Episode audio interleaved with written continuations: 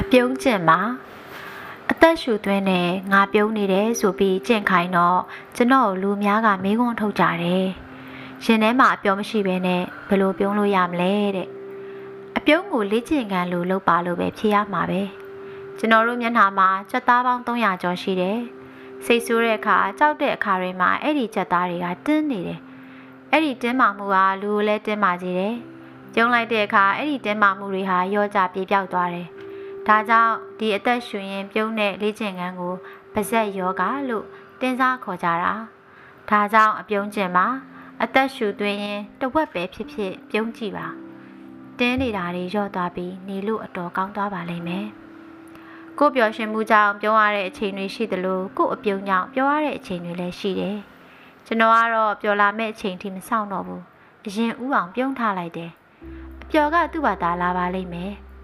တခါတလေကျွန်တော်တယောက်ထဲအမောင်ထဲမှာအပြုံးလေးကျင့်တတ်တယ်အဲ့ဒီလိုကျင့်ခြင်းဟာကိုယ့်ဘာသာကျင့်နာရရောက်တယ်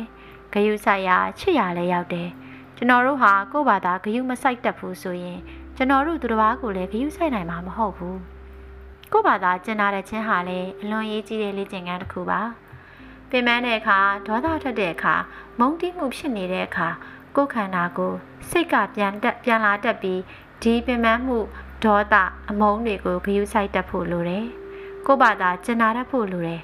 ဒါကြောင့်လဲကျွန်တော်တို့သတိအကျင့်နဲ့ပြုံးတတ်အောင်လမ်းလျှောက်တတ်အောင်အသက်ရှူတတ်အောင်စားတတ်အောင်လေ့ကျင့်နေရတာပါ